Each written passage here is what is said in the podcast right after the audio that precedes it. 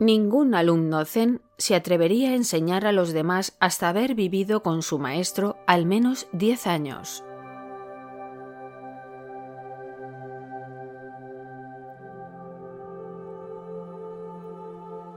Después de diez años de aprendizaje, Tenno se convirtió en maestro.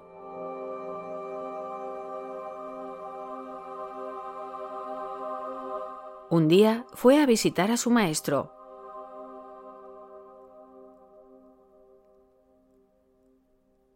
Era un día lluvioso, de modo que Tenno llevaba chanclos de madera y portaba un paraguas.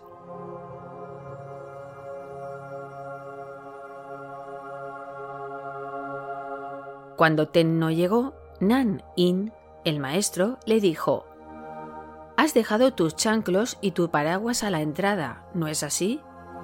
Así es, contestó Tenno. Pues bien, siguió el maestro Nan In.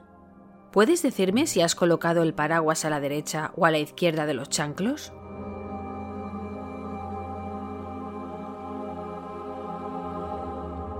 Tenno no supo qué contestar y quedó confuso.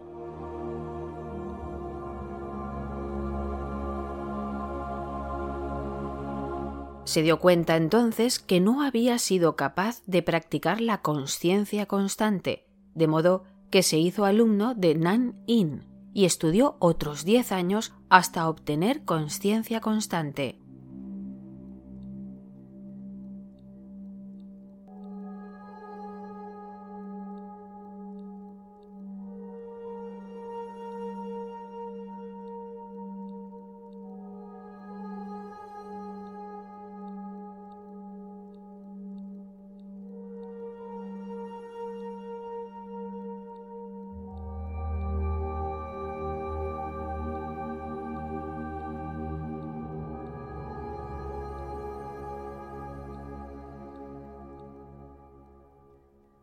Si desea más información sobre la Orden Rosacruz, visite nuestra página web www.rosacruz.net.